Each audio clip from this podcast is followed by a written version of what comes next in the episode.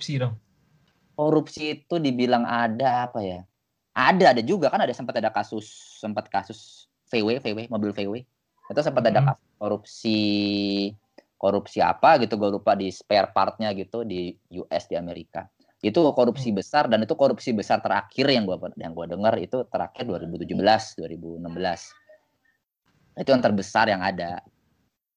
Dan nggak ada lagi yang kasus kasus. Ya cukup jarang sih gue dengar memang kasus korupsi, cukup jarang karena memang itu dia biayanya mungkin juga mencukupi uangnya sama itu yang gue masih misteri kenapa mereka tuh masih gengsi gitu loh contoh gue pernah polisi itu ya polisi di sini tuh gue juga sempat pernah gue nggak ngobrol sama polisinya tapi mereka itu kalau udah malakin orang gitu ya kayak apa tilang Hmm. gitu ya ya Iya. mereka mereka ngerasa bi- harga diri mereka rendah ketika mereka tiba-tiba lima puluh ribu Iya. dong biar kamu Oh. Wih. itu pernah gue baca rendah gitu. Mereka bilang bahwa itu tuh buat apa? Nggak nggak guna. Tapi gue bingung kena, kenapa mereka punya mindset itu gue masih nggak paham. Hmm. Tapi- Mereka bilang itu Iya, rendah, iya, iya. tapi kenapa mereka bisa bilang itu? Itu gue masih belum tahu alasannya. Jadi. Karena kan itu mudah harusnya. Lu Iya. punya Iya, lu lakuin aja kayak gitu kan. Lakuin aja. orang per hari. mudah. Sebenarnya mudah, apalagi lu polisi, lu punya power dong. Mereka Iya, ya iya. bisa jadi ngasih, tapi kenapa mereka enggak itu? Jadi benar-benar murni kalau lu pelanggaran ya lu ditilang, lu harus bayar uang segini nanti. Dan uangnya pun dibayar via via transfer kan, lu nggak usah harus datang ngasih uang fisik. Jadi via online pun Iya, juga. Jadi rakyatnya pun juga mau-mau aja bayar uang gitu. Lu juga kadang bingung gitu, kok bisa gitu. Hmm. Nah, Iya, mindset itu iya. yang kadang gua masih belum bisa nanya, belum pernah nanya secara det- detail sih ke orang Jerman. Kenapa mereka mau kayak gitu? Tapi ya itu sih kayak tadi pertanyaan lu nggak ada korupsi ya. Dari hal kecil kayak polisi. Ada aja. Ada, ada, gue yakin ada. Kadang berpikir individualis juga gitu sih, Ja- Jal. Jadi kayak kayak di Jerman karena memang karena lu udah berpikir individualis jadi nggak peduli sama orang lain dengan dengan dengan uang mereka. Lu nggak peduli sama kekayaan mereka, ya gua nggak. Karena lu nggak peduli sama kekayaan mereka, ya gua nggak tertarik untuk ngambil uang dari mereka gitu. Ngerti nggak sih maksud lu? Hmm. Iya, iya. Ya udah sendiri-sendiri aja gitu. Sendiri aja, ya gue juga bisa. Gue dengan uang segini ya masih bisa mampu-mampu Udah aja, masih bisa gitu loh. Jadi mindset itu yang gitu ya. ya lu masih lu masih bisa sedekah satu euro dua euro juga lu masih bisa gitu loh. Kenapa gua harus iri Kayak sama yang lu post itu kan tentang Ada lagi tuh. demo ayam. Oh demo itu lu ayam. lihat. Iya iya iya. Ya lihat itu- lah. Iya iya itu itu, Ya, itu juga- menarik juga. itu gue juga amazed itu waktu gue lihat demonstrasinya di sana itu gue juga kaget ketika ngeliat ya gila aja maksudnya mereka ya kayak gue bilang kan kayak di kita kita masih fokus mikirin pengelolaan zakat pengelolaan bahkan kayak gue suka denger ayolah kita daging kurban gini-gini ya. Meratakan kita perat, apa distribusinya gitu. Di sini orang ya udah menentang orang udah mulai menentang nasib nasib nasib hewan-hewan ini. Mereka hidup di ayam gitu kan mereka hidup di ka- mereka lahir langsung ditaruh di kandang sama ayam-ayam yang lain. Habis itu cuma berapa tahun langsung dipotong. Nggak sempat ngerasain hidup bebas jalan-jalan ke hutan gitu nggak sempat ngerasain kan gitu. Nah di situ ya orang udah mulai jadi ya mungkin kasarnya sih lu boleh makan ayam tapi jangan nyiksa mereka gitu loh. Gitu nggak sih maksudnya? Jadi bukan Animal welfare asik. animal welfare itu itu itu jal itu itu yang maksud gue. Itu animal welfare sih itu tuh. Jadi berper kepribinatangannya itu yang gua doh gila gua kagum banget. Sekarang kan ada istilahnya tuh. Ayam kalau ayam yang dibiarin bebas, Eh? telurnya itu lebih mahal daripada ayam yang dikandangin. Daripada telur ayam yang dikandangin gitu. ini apa nih ini apa nih kenapa ini penelitian Karena atau dia enggak, ini udah udah banyak di Oh, udah banyak. mana-mana juga udah banyak. Oh, gitu. Udah banyak. Maksudnya ayam yang dibiarin bebas, dia kan petelur nih, Ya, ya, bertelur. ya. Nah, telurnya ini lebih mahal daripada ayam yang dikurung di kandang kayak gitu. Oh, Ada istilahnya apa gitu di labelnya, bio, label bio. telurnya kalau di. Jerman istilahnya bio jadi Hmm, ayam bio. ayam yang dijual dalam dengan produk bio. Bio itu dari kata biologi gitu. Jadi mereka memang memang dibiarkan hidup di alam dengan bebas. Ketika nanti mereka sudah di masa berapa tahun ya baru kita bawa mereka untuk bisa kita potong untuk bisa kita makan. Nah itu memang lebih. Karena itu dia kan pernah pengelolaannya lebih susah sebenarnya. Lu melihara anak ayam bebas lu harus kontrol dia ke mana-mana lebih susah daripada lu naruh dia di kandang lebih gampang kan. Kandang lebih gampang jadinya biaya jadi lebih murah produksi murah Hmm. biaya jual juga jadi murah ya sih logikanya sih itu. Benar-benar. Ngomongin makan nih. Iya, boleh iya. makan. Lu hidup lu jadi lebih sehat di sana apa Ya gimana nih? pasti tetap gemuk-gemuk aja kok, tetap tetap gemuk-gemuk aja. tetap. Jadi jadi lu lu halal dan haram tuh agak ya apa ya Nggak, awal-awal maksudnya kayak gizinya gizinya jadi lebih apa ya? gua nggak tahu nih terjaga gitu. Nggak kalau tahu. Gitu. medical. Ya apa ya Maksudnya ngerasa kan bisa kelihatan kan dari lu sering sakit-sakit gitu atau gimana. tapi Kalau menariknya di sini kan makan cilok diare gitu-gitu kan. diare diare gua nggak pernah. Diare diare gua udah nggak pernah. Di Eropa gua nggak pernah diare mantap. di Eropa gua udah nggak pernah lagi. Satu itu. Tapi panas pilek itu masih. Malah gua pernah cacar juga. Cacar gua pertama kali di Jerman itu juga kaget juga. Hmm. tapi ya udahlah itu aneh lagi. Tapi ya apa ya kalau biaya Membaik apa apa kualitas kehidupan kan overall membaik dong kayak gitu. Lu jadi jarang diare atau jarang ya dari sisi apa ya? penyakit yang aneh-aneh sih ya diare demam berdarah kayak gitu-gitu yang di, di Indonesia mungkin lebih lebih gampang kena, kena nyamuk gitu ya TBC gitu loh Indonesia kan. TBC, Wah, wah. TBC. TBC di sini tuh TBC tuh langsung diisolasi gitu loh. Lu jangan keluar rumah sedikit pun gitu bahkan ada rumah sakit pun itu juga mereka punya kamar sendiri khusus untuk penyakit-penyakit Asia. Jadi ada jadi Hmm. kayak ada sektor ada kayak apa ya kayak kayak ICU khusus penyakit-penyakit Asia mulai dari TBC lah, mulai dari yang apa DBD. DB DBD yang nggak ada yang nggak ada nyamuk demam berdarah gitu. Nyamuk pun juga Oh. jarang. Gua nggak pernah ada nyamuk di sini. Yang ada Hmm. malah, malah lebah gitu-gitu. Terus ya itu juga lucu itu lebah aja. Tadi ngomongin soal animal welfare ya. Di, di kita kan serangga ditakutkan karena me- apa mengganggu bisa mengakibatkan penyakit dan sebagainya kan dari mulai lalat dari mulai nyamuk. Kemarin tuh tahun lalu lagi ada peraturan dari pemerintah untuk gimana caranya mempertahankan populasi lebah. Jadi Hmm. lebah itu jangan di, di- dibunuh kayak gitu sebagainya. Tuh ada kalau dibunuh nanti bisa didenda berapa euro gitu. Tapi ya soal penyakit ya gitu sih. Jadi ya apa, iya. penyakit juga yang yang sering itu justru flu ya. Flu itu masih cukup sering karena kan peralihan cuaca ya. Oh, Terus- ya. Apa tantangan buat orang tropis kayak kita apa di sana? Ding, ya dingin lah, pasti dingin awal-awal lah. Kalau lu nggak pasti, biasa ya. Kalau lu sih udah udah biasa dong sekarang kedinginan. gua dibilang apa ya? Sekarang gua malah lagi nggak suka dingin. Tapi dulu gua awal-awal suka suka Hmm. suka banget dingin. Waktu pertama kali datang ya, itu gua waduh.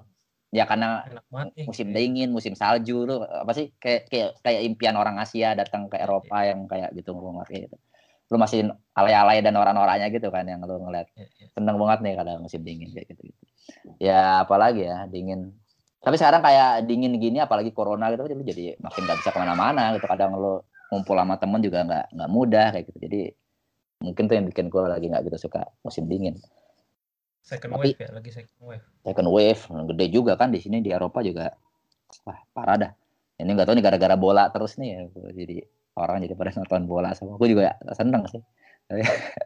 Bola gimana maksudnya? Oh, nonton nonton di karena bola udah di, karena bola udah di- udah dibolehkan jadinya Oh iya, ngumpul-ngumpul dong. Kalau orang udah pada ngumpul-ngumpul di sini kan relatif ini apa penyebarannya Iya. Infeksinya Kok, jadi kok ngumpul-ngumpul bukannya ini di TV disiarin bukannya nggak boleh masuk stadion? Eh nggak tahu sih. beberapa gua. kota udah di, di, di- Masuk. banyak negara udah bolehin masuk kan kayak kemarin Juve main itu rame stadionnya sempat ramai Oh, Terus gue Iya, nonton iya, nonton gue nonton MotoGP juga udah ada penontonnya udah ada di tribun-tribunnya juga. Ya memang sih jaga jarak juga, tapi kan ya tetap aja itu tetap aja takut ya. Tetap aja yang suka ada. Tetap aja tuh jadi ada yang bilang itu salah satu penyebabnya. Tapi ya ya kayaknya orang-orang sini kalau pada nggak apa ya. Ya udahlah kita jaga jarak sama masker aja gitu. Daripada lockdown Hmm. lagi ekonomi gimana-gimana. Di sini sama juga cuy, lockdown ekonomi juga Runtuh pada protes orang-orang juga pada demo-demo juga sama nggak di Indo doang nggak di Amerika doang Ya, orang-orang Hmm. pada di sini kan yang terugikan kan sektor wisata kan jadi orang-orang yang kerja di Hmm. bidang di bidang apa tuh pariwisata ya. wisata dia dia yang punya kap punya kapal pesiar kayak gitu-gitu yang pada jadi jadi miskin malah mereka. Mereka punya kapal pesiar malah, malah mereka miskin. Karena nggak ada yang mau naik kapalnya. Gitu cuy. Di sana apakah dihimbau untuk kan biasanya ngelah tuh dari sampah gitu ya. Di sampah rumah tangganya dihimbau untuk ngolah sendiri, kumpulin sendiri atau kayak gimana? alat-alat apa? Sampah maksud lu? Sampah. Manajemen sampah. Sampah rumah tangganya. Iya, di Oh, rumah tangga masing-masing. ah iya Kalau di sini kan juga. masih berantakan. kan. itu juga tantangan itu juga itu juga juga kendala-kendala culture shock lah culture shock juga waktu gue awal-awal datang ya misal-misain sampah itu juga juga juga juga butuh waktu lagi sekarang aja Oh, kayak itu di- wajib. Wajib. Tapi bagi bisa misain gue yang pertama kali datang sebagai imigran yang namanya misal-misain sampah kan ya juga awkward awal-awal gue juga bingung yang yang kayak gini bisa dibuang di mana nih bisa dibuang di mana itu kan. Kayak di sini kan sampah dari plastik itu dipisahkan sama bio. Bio tuh bio pun juga sebenarnya banyak jenisnya cuy. Itu pun gue juga masih belum menguasain. Kayak tulang ayam pun tuh nggak termasuk bio gitu yang bilang gitu. Tulang ayam tuh udah ada lagi nama sampahnya tuh di sini kita nyebutnya apa ya? Rest rest rest waste. Jadi kayak sampah sisa gitu loh. Yang ada itu ada Hmm. ada lagi sisa sendiri. makanan. sama kanan ada lagi yang kayak gitu. Ada juga kertas juga terpisah kayu terpisah.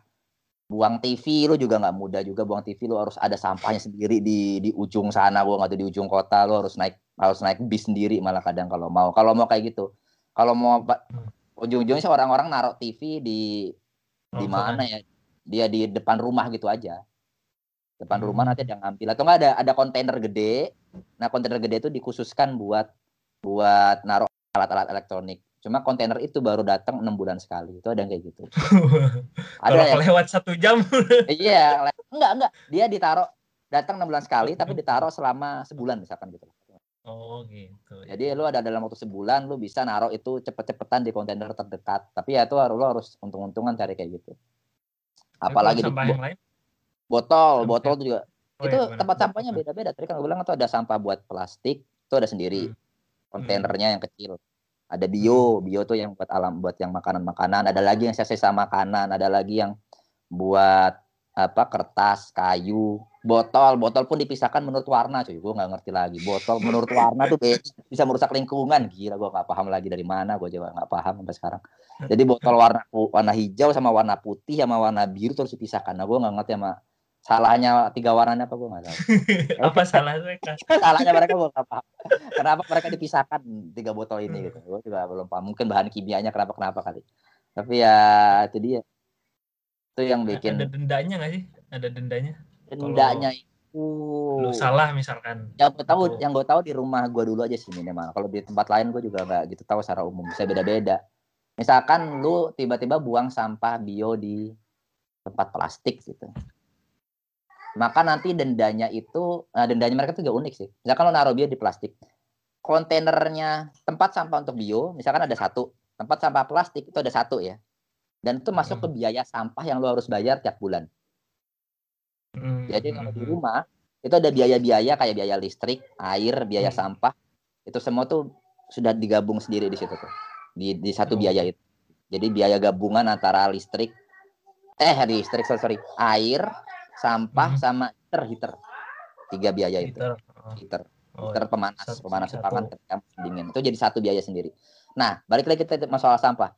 Misal lu punya dua bio dan plastik doang yang ditaruh di Hmm. depan rumah, depan apartemen, depan gedung apartemen. Tiba-tiba orangnya bodoh amat gitu lu naruh Hmm.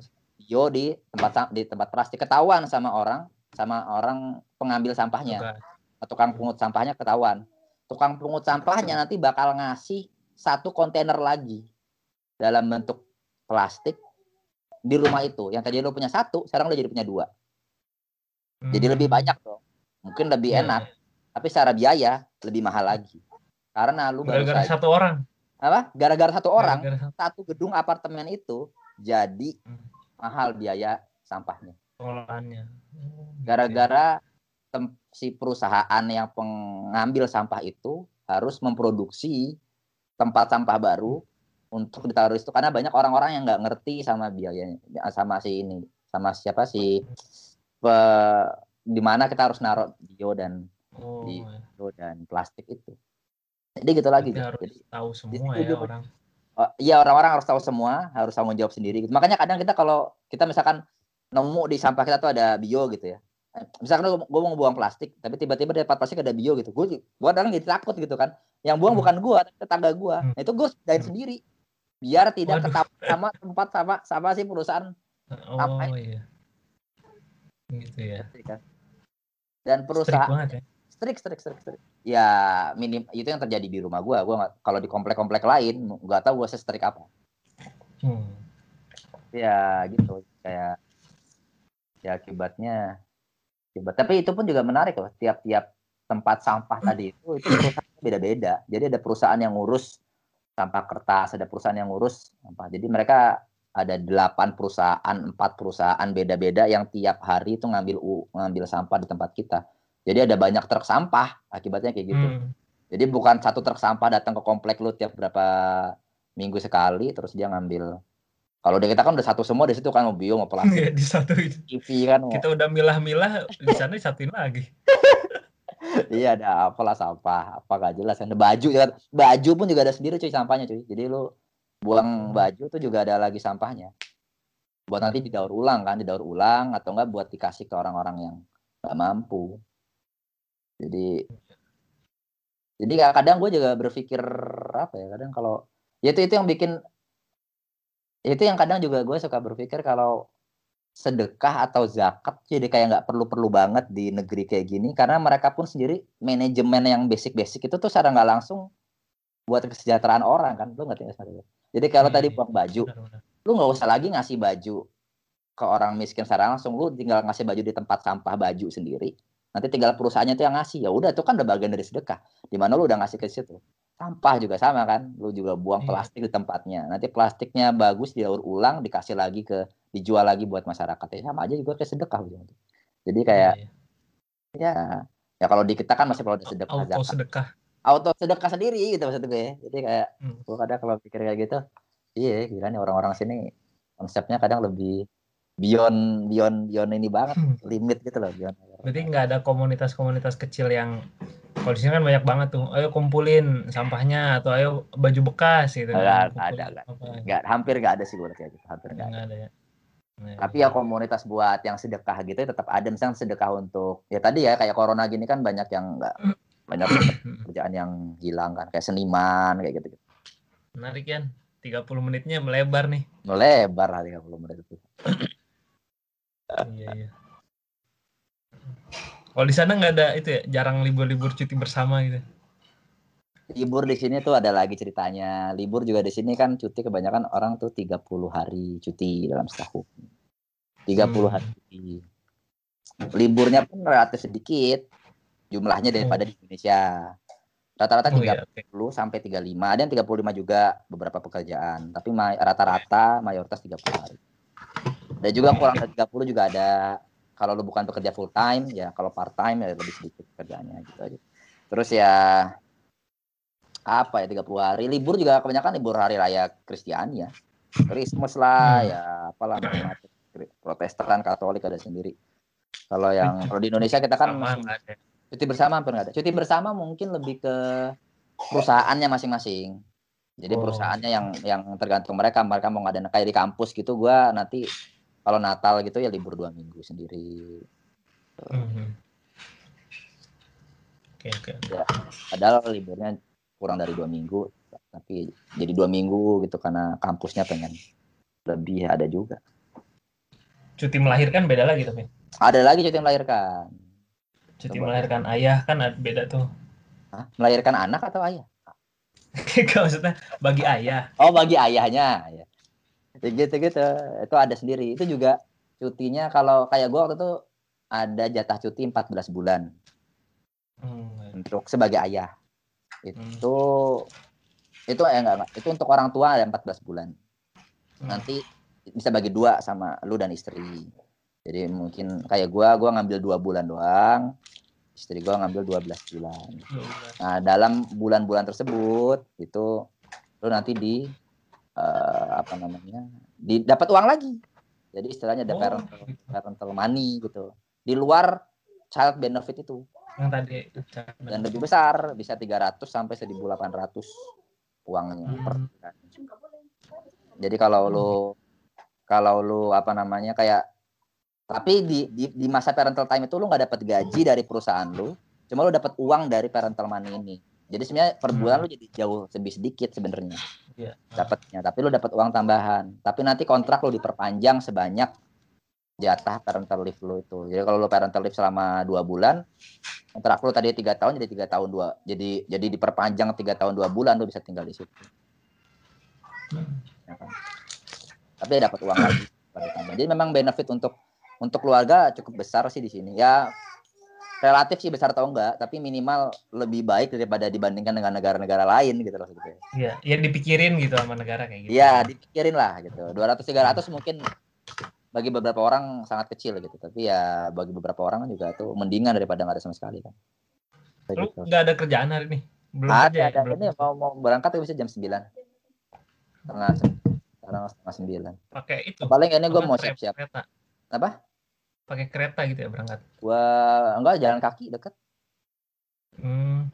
Lu nggak takut kalau lagi corona terus lu mesti naik public transport? Wow, naik public transport. Misalkan lu ke mana ya, gitu ya? Di sini sih ya masker ya. Di sini kita cuma pakai masker itu.